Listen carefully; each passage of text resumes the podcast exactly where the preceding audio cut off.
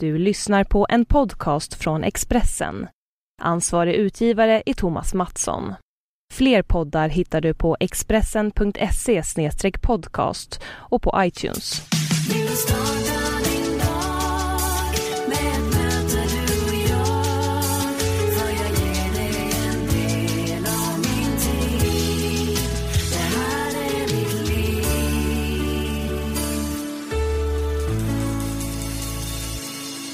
Ska du vara varmt välkommen till avsnitt 128 av Livshjulet. Jag heter Anna Hegerstrand och i den här podcasten träffar jag kända gäster för att prata om tillvaron i livet. Livshjulet består av olika delar såsom familj, kärlek, jobb, fritid och personlig utveckling. Och för att vi ska må bra och känna oss i balans behöver vi ge näring till alla de här delarna. I samtalen med mina gäster pratar vi om livshjulet och precis som i verkliga livet får de olika delarna olika stort utrymme. Att hålla en balans i sitt livshjul är ju lättare sagt än gjort. Vill du komma i kontakt med mig så finns jag på sociala medier. På Instagram heter jag att Anna Hegerstrand och du får gärna kika in på min blogg på expressen.se Anna Hegerstrand. Veckans gäst är en man som fick ett ordentligt uppsving i karriären i Melodifestivalen i år när han medverkade med sin tram, sitt trallvänliga bidrag Guld och gröna skogar. Ja, det är Hasse Andersson som gästar mig och sedan mellosuccén har han knappt haft en lugn stund. Just nu är han mitt uppe i höstens sista spelningsrace innan långsemester i Florida. Och vi gjorde intervjun på Warner Music den 2 oktober. Varsågod Hasse Anderssons livsljud. Var är du nu? I livet? Just nu så är jag ju mitt i livet. Jag trodde jag skulle vara, eh, varva ner mitt eh, musicerande. För att jag, för två år sedan så blev jag, eh, jag blev pensionär då, 65.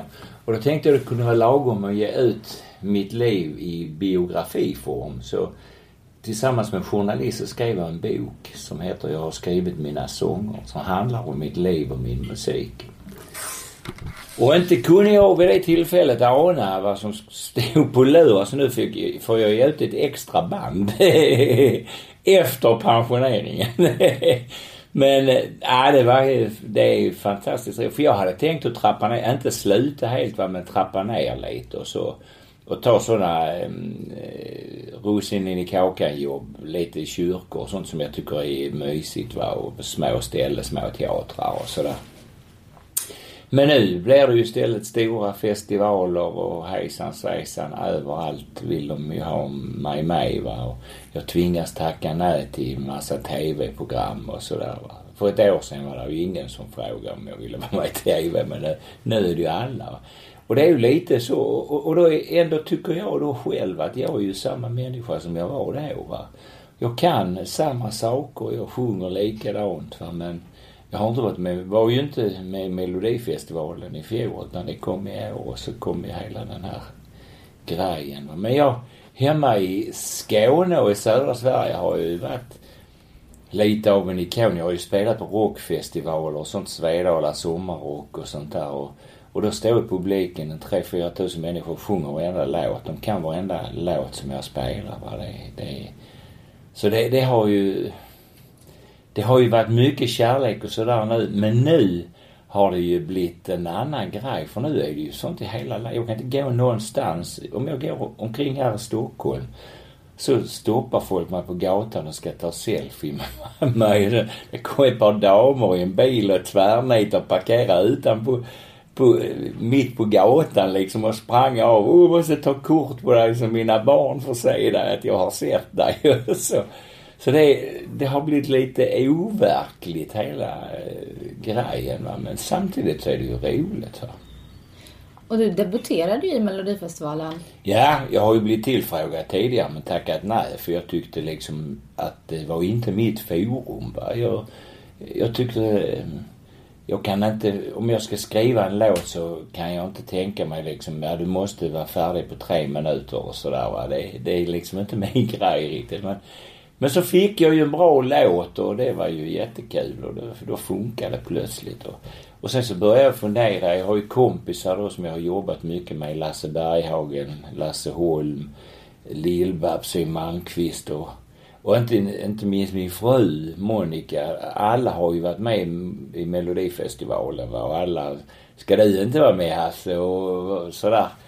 Alla utom min fru för hon tyckte jag skulle hålla mig ifrån så hon fick ha det för sig själv. Hur många låtar är det hon har skrivit till Melodifestivalen? Ja, oh, jag vet inte. Det är rätt många. Men vi kan ju säga till lyssnarna att det var hon som skrev Främling. Främling gjorde hon ja och jag tror Dag efter dag och 100 procent och eh, Juliette och Jonathan. Hon har skrivit massor med låtar alltså. Så, och, och, och eh, hon deltog ju med sin grupp, och den grupp som heter Ritz va? Samma år som Carola vann då kom de trea eller något sånt med Ritz med en låt som hon också hade skrivit. Så, att det var... så hon vann med sin låt och kom trea eh, med ja, sitt medverkande? Ja, precis. Alltså en annan låt som hon också hade varit med och skrivit och som hon var med och sjöng. Alltså det är väl, det är fantastiskt. Hur trodde du det skulle gå för din låt? Nej, jag trodde jag skulle åka till Örebro och sen skulle jag göra ett kanonjobb. För jag bestämde mig, nu ska jag visa att man inte behöver vara slut och uträknad för att man har fyllt 65 år eller 67 som jag hade då va. Eh, och jag ska visa att man fortfarande kan leverera. Men jag trodde ju då, jag hoppades att jag skulle hamna någonstans i mitten va. Jag hade en enda tanke, jag vill absolut inte bli sist va, för jag vill ju inte bli ihågkommen som den som blev sist i Melodifestivalen. Men eh, så blev det ju inte utan jag blev vi gick ju vidare, Jannike och jag till, till andra chansen i Helsingborg va. Och när vi kom in på scenen i Helsingborg då och skulle framföra ett bidrag så höll ju taket på att lyfta alltså. Det var ju helt sanslöst vilket tryck det var alltså. Och vi åkte direkt till finalen då till Friends Arena och då tänkte jag liksom, ja det blir ju tufft i Stockholm va. För det är ju, jag menar med skånskan och det är 35 000 människor på läktarna och sådär. Det blir, det blir inte så lätt alltså. Men du vet när vi kom in i, och då hade de lagt oss som startnummer 12. Det var ju en hedersbetygelse för att jag var ju den äldste i startfältet. Jag kunde vara morfar till alla de andra. när vi kom in då så det var ju, ja det var ju samma där. 35 000 människor reste sig upp och började sjunga och dansa. Det var helt otroligt alltså. Och barnen, de, när jag gick ifrån scenen, det var ju som att gå en Eriksgata. Jag gick förbi, alla skulle ta på mig och alla hade skyltar och sånt. Heja Hasse och så. Och så skulle vi sitta där i green room och våndas då mitt i publiken. Det var ju vidrigt alltså. Men, eh, och då skulle ju först Europa rösta va. Och då, jag vi var ju en av de få som sjöng på svenska. Det var ju Magnus Carlsson också. Vi, och både Magnus och vi fick ju inga poäng. Det var ju, de hade ju olika länder då. Hasse noll poäng och Hasse noll poäng och så. Ända till vi kom till Israel. Då fick vi 10 poäng. och då blev jag glad.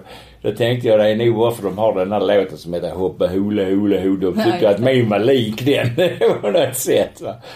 Så att, eh, nej det blev väldigt trevligt. Jag träffade han, juryn, eh, ordförande för den israeliska juryn. Jag träffade han på hotellet och han ville absolut ta en selfie med mig och jag skulle spela in en hälsning till hans eh, kollegor i juryn varför de tyckte jag var fräck. Alltså.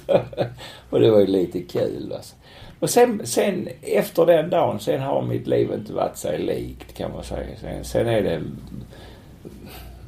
brevlådan full av brev varje dag från barn och människor i hela landet. Mycket, mycket barn är det alltså. Och de, det är ju kärleksbrev. Det är ju sexåringar som skriver att de älskar mig och, och tycker du jag är för ung? så, Oj. Ja, jo det är sant. Det är riktigt så. Och jag kom till Vara då så var det ett par tjejer så kunde vara 13, 14 år sa den ena, och min kompis är så ledsen här så kan du inte trösta henne? Jo varför är hon ledsen sa du. Det är ju sommar och fint och nu ska vi spela. Ja men har precis fått reda på att du är gift. Hur gammal var hon? Ja hon var 13, 14 år. Jag kan ju, alltså jag är ju en gammal gubbe. Jag kan inte fatta det. Men de, det är, det är något speciellt va. Det är... Ja vad är det med dig? Jag vet inte va, men vi kom ju överens då att det var bra att vi kanske bara var vänner nu eftersom jag hade varit gift i 40 år av mitt liv. Så det var, det var lika bra att vi fortsatte att det var, var på det viset. Va? Men det är, det är väldigt mycket rik, på riktigt så. Och, och, och, det är så mycket, alltså de tycker så mycket om och jag, jag, jag fattar liksom inte vad det är. Det var en, jag var uppe i Luleå nu för några veckor sedan så kom det en mamma alltså, så sa hon, jag har alltid läst, eh, hon hade en son, han var en fyra, fem år eller sådär. Jag, eh, ända sen han liksom började gå och lägga sig då så, så har jag läst sagor för han, han ska sova på kvällen. Va? Men sen du kom in i vårt liv så är det inga sagor som gäller utan det är en artikel ur Vi i Villa där du berättar om hur du planterar buskar i din trädgård och så. Den ska jag läsa varje kväll för honom. Han ska sova. Hasse Andersson då i Vi i Villa. Det, alltså det, det, det ja det är så roligt. Alltså det är fantastiskt många roliga grejer man får, man får vara med om och höra och ta del av. Alltså. Lyxigt att få så mycket kärlek i sitt jobb. Ja, det är det. Det är inte alla som får det. Nej, det är, det är verkligen lyxigt alltså. Men sen har ju eh, sen den dagen inneburit ett väldigt hektiskt arbetsschema. Har jag mm. förstått. Vi mm. pratade om det både lite i taxin på vägen hit och, ja. och så har man ju läst. Mm. Hur, eh, hur hanterar du det? Jag hade ju jag har ju alltid haft mycket jobb. Va? Och jag hade ju bokat färdigt min sommar redan när jag kom med i Melodifestivalen. Då, då hade jag ju ett antal spelningar. Sen hade jag tagit undan fyra dagar här och tre dagar där så att jag skulle få lite ledigt också mitt på sommaren. Men eh, det gick ju inte. Då fick jag lämna dem till, till eh, mitt bokningsbolag. Va? För att då var det ju musikfestivaler och det var stora spelningar som, som absolut ville ha oss. Va? Och arrangörerna bjöd över varandra och sådär. Så jag, det, ja, det gick ju inte. va. Och sen så var, var vi efter, eh, vi hade gjort eh, eh, Melodifestivalen så åkte vi till Florida och var där i tre veckor. Sen när jag kom hem så hade jag någon infektion i halsen va, som som inte släppte och jag åt lite sådana antibiotika men det hjälpte inte. Va? Till slut så gick det ner i lungorna så jag fick en dubbelsidig lunginflammation i, i sommar. Då. Det var när jag skulle vara prisutdelare på Rockbjörnen. Och då, då fick jag åka in på akuten på, Karlskoga lasarett och hosta och blod och sånt och hade frossa och det var riktigt dåligt med mig då.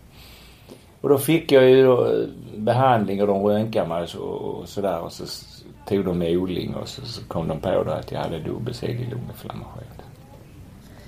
Och nu kommer du precis från sjukhuset? Ja, nu har jag varit och, och gjort en sån där eh, datortomografi som det heter va, med sån här kontraströntgen. Så, så det såg ju mycket bättre ut. Det är inte helt borta nu va men, men eh, det såg mycket bättre ut och det går på rätt håll va. Så att om två månader ska jag göra en ny sån undersökning så ser jag att det verkligen försvinner igen. Men ändå har du knappt ställt in en enda spelning? Nej, det var bara den här prisutdelningen och det var den kvällen som jag satt på akuten. Sen har jag klarat av Och jag har varit väldigt försiktig va? för jag har gått upp och gjort jobbet och sen har jag inte ansträngt mig någonting utan tagit det väldigt lugnt emellan varven. Så att det... Och nu ska jag ju ut på en, en landsomfattande turné. Vi gör ju... Vi börjar repetera på måndag i Helsingborg.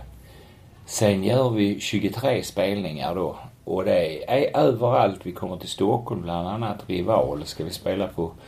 Och vi kommer till Norrköping och Linköping och eh, Uppsala överallt. Och ända upp till Luleå och vänder. Och så ner till Malmö då. Så vi har 23 år på den. Och direkt när den är klar så går Jannike och jag rakt in i julgalan, den stora julgalan. Så då ska vi spela här i Stockholm, Uppsala, Göteborg, Malmö, Lund och ja, massa sådana st stora städer. Jag tror det är 16 konserter med den. Så jag har att göra. Mm. Vad tycker du annars om att bli äldre? Nej, jag tycker det. Var, jag, jag tillhör de som tycker att varje ålder har sin charm. Va? Jag, jag skäms inte för att jag är 67 år. För att jag har levt ett fantastiskt liv och jag har varit ung jag också. Jag har busat och jag har spelat rock'n'roll och jag har gjort liksom allting. Så jag behöver inte leva om min ungdom som gammal va. Ibland så gör jag det på scenen. Jag hade ett popband när jag var ung som hette Holterry and the Strangers.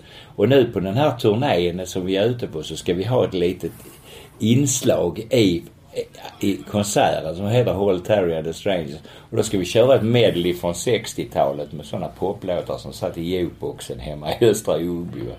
Och, och det blev ju jättekul va. Så det är, Det är mycket att plocka ur jag har massor alltså. Jag har ju till och med spelat in en skiva med sådana gamla 60-talslåtar. Alltså det, jag, jag älskar ju musik och tycker det är roligt. Va? Vi ska göra ett akustiskt sätt i, i, ehm, i, i den här konserten också. Vi, vi gjorde ju när vi kom hem, när jag kom hem från Florida så ville de göra en, ehm, ett entimmarsprogram.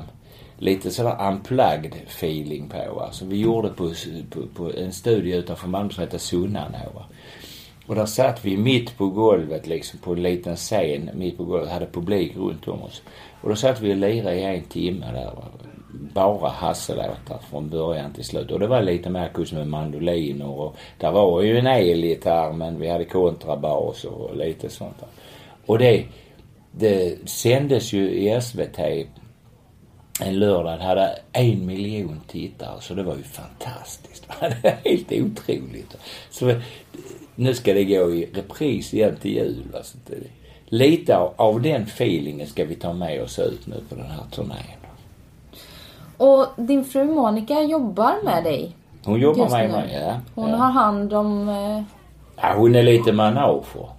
Ja, hur funkar det då? Bli Ja. styrd av sin fru? Jo, det, det funkar bra. Va? Därför att hon är ju, har ju varit med själv och levt ett helt liv inom nöjesvärlden. Va? Hon har skrivit texter, hon har varit producent. Va? Hon har ju producerat Disney storfilmer, alltså gjort svenska versionerna av Lejonkungen och eh, Aladdin, alla de här, Lilla Sjöjungfrun och allt vad det heter. Va? Och hon har ju skrivit alla texterna till dem eh, och, och, och jag, alltså till och med jag har dubbat tecknad film. det är ju, det är ju roligt va. Så att, att hon är ju medveten om hur branschen fungerar och sånt så att allting går ju mycket, mycket lättare tack vare det va. Och hon är ju med på de allra flesta grejerna och det, det gör det mycket enklare säga. Vad gör hon annars i ditt liv?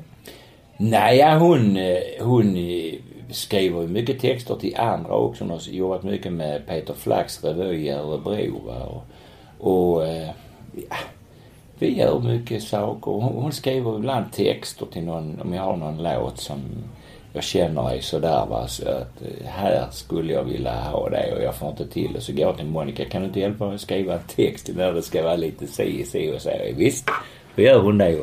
Hon har ju en otrolig rutin på att skriva texter va. Hon är ju jätteduktig alltså. Och rent privat då? Ja, ja, det går ju jättefint. Vi lever ju som man och hustru. Monica har ju inga barn va, men jag har ju barn i tidigare äktenskap så att Hur gamla är de? Ja, de är... Ja, Jenny är väl 45 och Lisa 42 kanske. Har du Sen- barnbarn också? eller? Ja, sen har jag styvdotter då som är 50 eh, lite drygt och sen har jag eh, en fosterson som är 48 eller 50 eller något sånt. Och eh, jag har fem barnbarn. Hur är du som morfar? Jo, jag tror att jag är ganska schysst. Gillar de också din musik? Ja, det gör de. De är stolta. De var ju med på Mellon. Allihopa var ju med på Mellon. Från lilla Erik som är då eh, sju år till eh, Hanna då som bor här i Stockholm och är över 30. Va? Så att det, allihopa fick vara med. Ja, då De var- vuxna barnbarn. Ja, ja. Men inga barnbarnsbarn? Nej, det har jag inte. Men de fick ju vara med och, och de var inte med på samma ställe alla va. Men alla fick vara med. Något. Ni bor ju i, i Skåne. Vi bor Ja. både i, i Skåne och i, eh, Värmland. Monica har ju kvar sitt hus i Värmland så vi bor där uppe också. Och så, och så har vi byggt ett hus nära Skåne. Ja. Hallandsåsens västsluttning ut mot Skäldervik. Fantastiskt vackert. Man kan sitta där och titta när solen går ner i havet. Och, Ja, vad underbart. Ni har byggt det ja, har vi byggt själv. och så har ni hus i Florida. Florida ja. West, West Pa- Palm. West Palm Beach. Ja. Och hur mycket är ni där då? Jag är där eh, kanske en, två gånger om året. Nu ska vi dit när detta är över här nu eh, hösten och julgrejerna så sticker vi den 29 december. Och då ska jag vara, där i två och en halv månad ska vi vara där. Och då ska vi skriva färdigt. Vi ska göra en ny version av Svingelskogen, en barnmusikal som vi turnerade med för ett antal år sedan. Så har vi fått förfrågningar från eh, en bank, en rätt så stor bank i södra Sverige som vill att vi ska sätta upp en sån igen och köra tio föreställningar för dem. Alltså. Och det kan, då kan det hända att vi även kommer upp till Stockholm kanske och spelar på, eh, på någon av teatrarna här, Göta Lejon eller vad det är de brukar spela, sån Karlsson på taket och sånt. Kanske vi kommer och gör något gästspel, vi får se. För det var stort. På den tiden det begav sig så var det en av de största akterna som folkparkerna skickade ut i Sverige. Alltså vi hade ju något år mer publik än vad Rocktåget hade så att det var jättestort. Ja, med dig som dragplåster så kan det nog bli stort igen. Nu kan det bli stort igen. Nu får vi ha eh, isbjörnen Isak är jag ju. Nu blir det guldgröna skogar i Svingelskogen. Ja, verkligen. vi får väl se. Vad gör du annars då, förutom att, skriva, skriva när du är i Florida? Ja, jag eh, spelar lite golf och kopplar av och sen så tar jag hand om mig på ett annat sätt ut och går varenda morgon. En timme varje morgon går jag. Stavgång va. Och det är lite jobbigt i, i Florida och Amerika för att alla är ju, tycker det är så kul och frågar vad jag gjort av skidorna och sånt när jag kommer över mina stav. Ja, då, de, har ju inte, de är ju inte vana vid det att man går med stavar va. Och har du inte glömt något, har du vallat, kommer du från norr, ja, hela tiden får man sådana liksom. Och i början så log man, ja ja, alltså, men nu är man bara trött på det liksom. Så jag brukar ha demonstrativt hörlurar på mig. Va? Så jag brukar lyssna på musik så att jag inte ska, de inte ska få kontakt med mig när jag går med mina... Men annars är det ju roligt att snacka med folk och så va. Men, men det blir ju lite tjatigt att förklara va då att att jag förbränner mycket kalorier med, när jag går med stavar och sådär. De kan inte förstå det va. Det, det som inte finns i Amerika, det finns inte va. Det är lite så.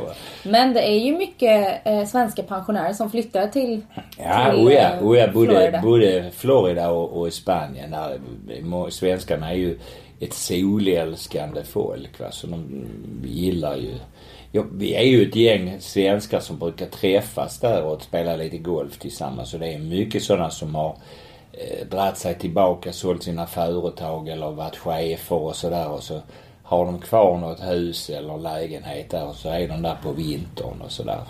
De har liksom vant sig vid det här klimatet så de har ju svårt för att gå och plaska i snö och slaska här hemma. Och behöver man inte det så är det ju skönt. Va? Det, är, det är ju inte alla förunnat att kunna göra det men de som kan kan ju göra det. Det är helt okej. Och idag är det ju enkelt va med, idag går det ju direktflyg till Fort Lauderdale va? så att det är mycket enklare att ta sig dit idag. Så. Och hur tänker du framöver då? Vill du bo... Dela din, din boendesituation mellan Degerfors är det va? Och sen så är det Bjärehalvön. Ja, vi bor ju på Bjäre. Alltså jag, Bjäre är ju, det är ju där mitt hjärta bor kan man säga. Det är ju Bjärehalvön. Det är ju Gud var på sitt allra bästa humör när han skapade Bjärehalvön. Det är, det är nog den vackraste platsen som finns i Sverige. Alltså det är helt otroligt. Sen tycker jag det är kul att komma upp till Värmland ibland och midsommaren i, i, i Värmland är ju jättefin och sådär va. Men jag längtar tillbaka till havet. Va? Det var, jag saknade havet när jag bodde i Värmland. Alltså. Sen är det kul att komma över då till Florida för det är lugn och ro. Man lever liksom ett helt anonymt liv där va? och det är jätteskönt. Va? Det, det är kul va? och det är enkelt att leva där. Har man bara körkort så, så tar man sig fram överallt. Sen, jag menar vi har ju alligatorer ute runt hörnet. Va? Det är ju sådana här dammar och kanaler och sånt där. Va? Så att det är ju sköldpaddorna. Barnbarnen var där så matade han en sköldpadda som han döpte till Mackan. Den kom varenda dag och åt smörgås och sådär. Det var ju fantastiskt roligt. Va? Det är ett rikt och fint liv. Va? Det. Så jag, jag menar, jag har det så bra så jag kan inte tänka mig att jag skulle kunna ha det bättre än vad jag har det. Om du skulle få ändra någonting i ditt liv, vad skulle det vara? jag vet inte om det är något direkt jag vill ändra på. Inte för, för egen del va. Fick jag ändra på någonting i stort så skulle jag göra så att, att liksom att alla förstod att det måste finnas plats för alla. Vi kan inte bara sätta upp staket runt vårt lilla hus och så säga att här bor jag och här får ingen annan komma och sådär va. Det är lite grann så känns det som. Ibland när det sett på sin spets va så, så blir det när de sitter och tigger utanför affären och sånt. Jag tycker också att det kan kännas jobbigt och så va. Men så tittar man då så har de bilder på sina barn och sånt.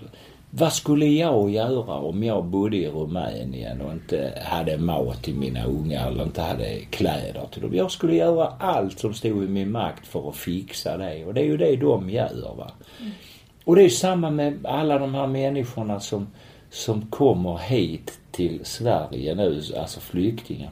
Jag blev så glad häromdagen jag träffade en kille från Damaskus som jobbar hos en kompis till, till oss nu. Hon, är, hon har skrädderi i Degerfors. Och han hade kommit dit och frågat om inte han fick jobba, eh, visa henne vad han kunde och sådär. Och han, han var ju en makalöst duktig skräddare. Så han syr, han har gjort en hel kollektion med kläder. De ska ha modevisning nu va. Han har kommit dit med sin familj och så va. Och han har liksom tagit initiativ och så. Jag pratade med honom igår. Världens finaste kille alltså. Och jättestolt för sin familj och sina barn. Och, och, och nu har han själv liksom visat då att han vill jobba och han vill liksom inlämnas i samhället och han vill göra något. Han vill inte bara gå och vänta och, och på vad som ska hända utan... Och sånt gör mig så himla glad va. Och jag tror att det skulle vara sånt mycket, mycket mer om vi bara öppnade på dörrarna lite mer och, och, och liksom ställde upp lite mer på glänt eller på, kanske till och med på vid gavel va. De allra flesta människorna är fantastiska. Jag blir deppig när jag sitter och åker taxi och, och jag pratar ju alltid med taxichaufförerna och, och det visar sig då att det är en läkare som kör taxi va. Och jag vet att vi behöver hur många läkare som helst i Sverige men, men de får inte sin legitimation. Det tar så lång tid och sådär. Det gör mig ledsen och det gör mig besviken. Sånt kan, kan eh, göra mig på dåligt humör. men inte annars. Annars är jag glad.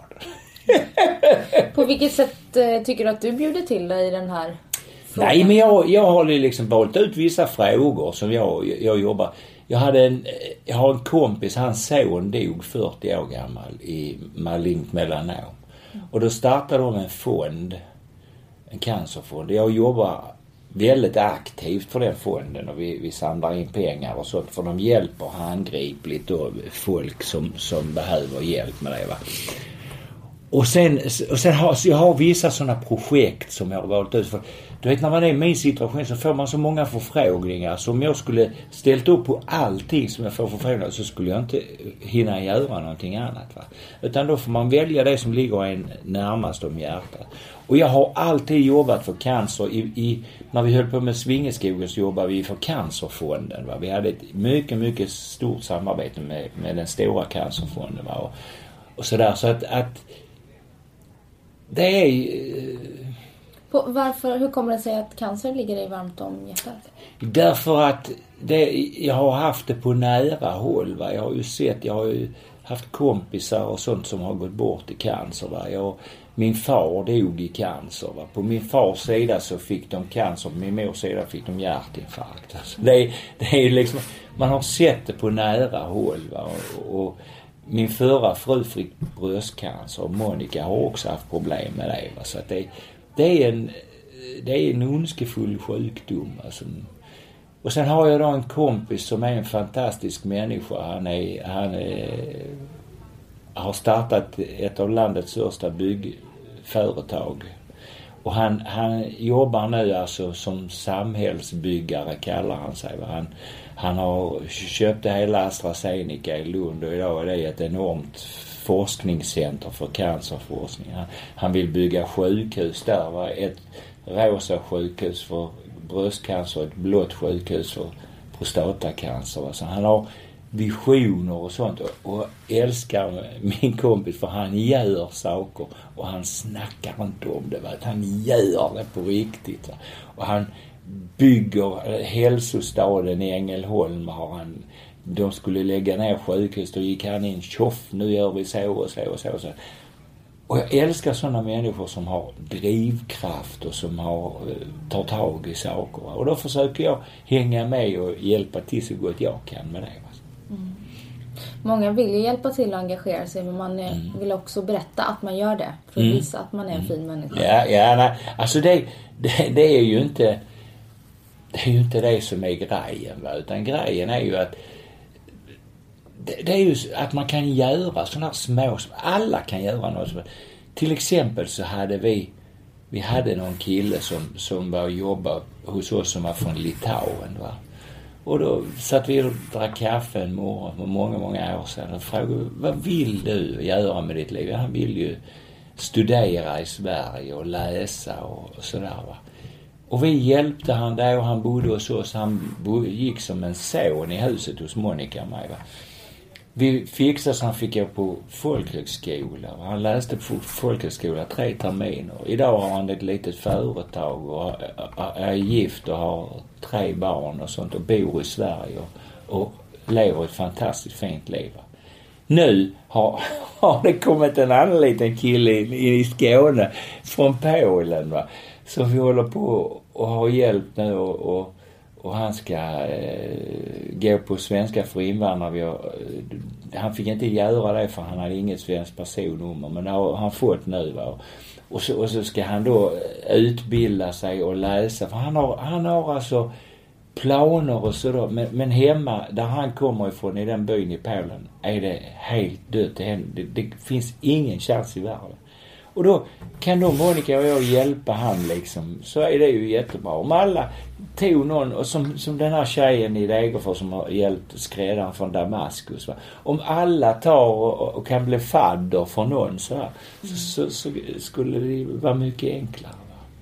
Och med det, det är ju ingenting man behöver snacka. Jag har ju aldrig gått ut och pratat om det så. Vi pratar om det nu va. Men för att det är, det är en, en grej som alla kan göra egentligen.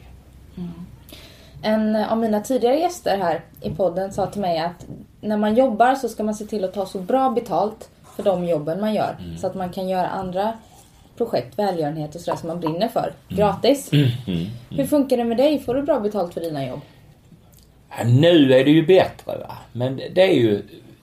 I min bransch så är det ju en en fråga om tillgång och efterfrågan. Hur efterfrågan man är. Då måste det kosta jo, det är ju dyrare idag att anlita mig va. Men jag menar jag, jag har ju varit nere. Idag så kostar jag kanske eh, fyra gånger så mycket som jag gjorde för två år sedan va. Och, och, och, och engagerar mig ensam va. Så att, att det är Som ju... en spelning på en ja, festival ja, till exempel. Ja. Vad kostar en spelning då med Hasse Andersson? Ja, men om det är med hela bandet och, och sådär så kostar den ja, mellan 100 och 130 000. Mm. Det är mycket pengar. Ja, men om man tittar så är det ju inget, vi, vi är ju inte dyraste. Det är, det är ju, de flesta svenska artister kostar mer än så. Men samtidigt som, när jag var som störst, va, det största jag kostade då det var 50 000.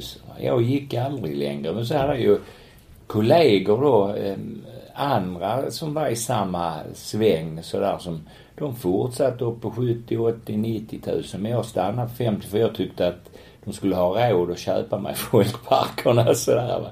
Men sen la folkparkerna ner så det hade jag ju ingenting för. Nej, men det är jag ska inte klaga för jag har levt ett fantastiskt liv och jag har haft roligt och jag har tjänat och jag har slarvat bort. Jag har gjort dumma grejer och dumma affärer och sådär va. Men jag har provat att göra saker som jag, jag tyckte verkade kul och sådär och så gick det inte så bra. Men jag har aldrig legat någon till last för jag har alltid rätt ut mina dumheter själv. Va? Så när jag dör så kommer jag inte till att och tänka sådär, oh varför gjorde jag inte det? Varför? För jag har gjort det mesta som jag har velat alltså. Och ibland har det blivit tokigt och ibland har det blivit jättebra. Men du har lärt dig någonting på det? Jag har lärt mig massor av grejer. Hur är det idag då? Vad, är du mer försiktig idag? Nej, inte om man frågar min fru. Hon tycker att jag är lite eh, så vidlyftig. Så, nej, men jag, jag tycker så, så, jag är ju en gubbe på 67 år. Om det, till exempel nu när jag hade gjort Melodifestivalen. Då strök jag det på min to-do-list. Och då tittade jag på... du har en sån? Ja, jag, har, jag hade ju en sån, eh, inte riktigt nerskriven, men jag hade liksom sånt innan jag är färdig med detta livet så vill jag så. Och då hade jag en annan dröm va. En röd Ford Mustang Cabriolet. Jag älskade de bilarna när jag var ung va. En sån ville jag ha. Men jag hade ju aldrig några pengar att köpa en sån. Och då tänkte jag nu i våras. Hasse. Nu har du varit med i Melodifestivalen. Om du nu ska ha en röd Mustang och du ska överhuvudtaget komma in i den innan du är för gammal så är det dags nu. Så jag gick iväg och köpte en röd Mustang Cabriolet. Och så Monica när du kom hem? Nej, jag tänkte nu blir det livat va. Men det blev det inte. Hon tyckte det var lite roligt ändå faktiskt. Har du några fler saker på din to-do-list? Nej, inte mer än att jag vill resa. Vi har rest en hel del Monica och jag. Vi har, vi har jobbat väldigt tufft i långa perioder. Sen har vi kopplat av det med att resa va. Och när jag fyllde 50 år så fick jag en, en eh, resa av Monica. Då åkte vi till Bali och eh, Singapore och eh, vad heter det? Australien. Va? Sen när hon fyllde år så fick hon en jorden runt-resa med. Då reste vi tillbaka till Singapore och sen reste vi till Nya Zeeland och Tahiti, Cook Island och, och Morea och Bora Bora. Alla de här exotiska platserna. Va? Så vi har sett dem tillsammans och det är ju jätteroligt. Va? Mm. Och eh, om du tänker liksom så framöver, hur ska livet se ut då? Ja, jag hoppas att det, det viktiga är ju att man får vara frisk eller någorlunda frisk. Jag har ju mina krämpor, jag har diabetes och jag har lite skit så bara, Men att man får vara någorlunda frisk och att ens familj får vara frisk. Då, så är det bara liksom att ta dagen som den kommer och göra det bästa möjliga varje dag. Och se, se till att ställa till en fest för de man har omkring sig. Det gör vi ofta hemma va? med grannar och familj. Och ett år så tog vi med eh, barnen och barnbarn och min förra fru va, tog vi allihopa till Florida och firade jul där. och det var jättekul. Va? Det var en fantastisk upplevelse. Och nu får du fira din 68 födelsedag i Florida. Ja. Det blir kul. Det problemet är att de har Alltså de gör ju inte gräddtårtor där för grädden smälter. När jag känner en svensk bagare så ja, man kan snacka med honom så kyler han ner den och så får man äta den med detsamma. Va? För det här är så varmt så grädden smälter och rinner bort. Ja, jag har faktiskt ätit tårta i, i Miami, mm. och, men de är ju så stora. Ja. Det är American ja, så, size. Och, ja visst, och sen är det ofta sådana här liksom glazing och, ja. och sån här eh, smörkrämsgrejer och sånt där på dem. Va? Jag gillar ju riktig gräddtårta jag. är du en husmanskost och Ja precis. Stekt fläsk med löksås och raggmunk och sånt där. Igår så fick jag vitkålsstuvning med. Nej det är jättegott. Jag älskar sån mat. Vem är det som lagar maten hemma då? Monica. Jag gör ibland. Jag är, jag är en fena på att göra ugnspannkaka och potatismos. Det är mina paradnummer Annars hemma? Vad är... Nej, vi, vi hjälps åt. Jag hjälper till ganska mycket att städa, dammsuga. Så damma tycker jag är öken. Det gör jag inte gärna. Men dammsuga kan jag göra. Och, och när vi har haft främmat sånt så är det Monica som lagar mat. Men det, det är nästan alltid jag som plockar undan och diskar och torkar av och ställer i ordning köket igen. Alltså. Det gör jag alltid tycker jag det, jag tycker det är lite kul också att när det, man kommer det ser för jävligt ut och kastruller och tallrikar och glas överallt. Och sen kavlar man upp armarna och så kastar man sig in i det och så en timme senare går man därifrån och så skiner det helt och fint. Jag tycker det är lite mysigt. Jag vill göra sådana jobb som man ser resultat av. Det tycker jag är kul. Mm. Och så vet jag att du gillar trädgårdsarbete också. Ja. Du har ju en trädgårdstidning här så jag sticker upp ur din väska. Ja, ja. Jo, jag tycker det är roligt alltså eh, att plantera och göra rabatter och plantera träd och sånt. För de, det finns ju något kinesiskt ordspråk som säger att den som har planterat ett träd har aldrig levt förgäves. Va? Och jag menar, då har jag levt. jag har ju planterat hundratals träd alltså. För ni har en Om- jättestor om trädgård. Ja, om inte tusentals under mitt liv alltså. Och vi har bara buskar. Jag satte 600 nyponbuskar och sen har vi ju bärbuskar och en vinstock har vi som är full med vindruvor. och Persikoträd, aprikosträd och kiwifrukt och, eller kiwi va. Det låter som ett heltidsarbete. Ja, ja, men det är jättekul. Det är jätteroligt. Ja. Vad härligt. Och nu så efter vi, det är fredag eftermiddag. Och du ska medverka i Vardagspuls, TV4. Innan du åker iväg till, vad var det, Kumla imorgon? Ja, imorgon spelar jag Kumla. Och sen på söndag är jag i Sundsvall. Och sen flyger jag hem till Skåne och sen börjar vi repetera på måndag igen. Fullt ös. För den långa höstturnén. Och det ska bli jättekul ut att träffa folk i hela landet igen alltså. Det ser, energin lyser om dig. Verkligen. Ja, ja, det ja, gör men det. Det ska bli roligt. Det ska bli jättekul. Och jättetack för att du ville träffa mig. Det var det jättekul att träffa dig. ja, jag tycker vi har haft en mysig stund här tillsammans. Verkligen. Och lycka till med allting nu. Tack så du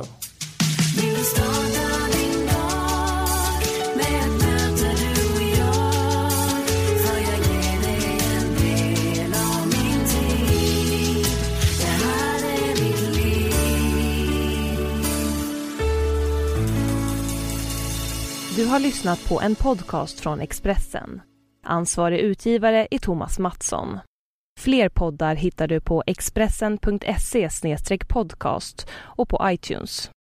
Snart startar vår stora färgfest med fantastiska erbjudanden för dig som ska måla om. Kom in så förverkligar vi ditt projekt på Nordsjö Idé och Design.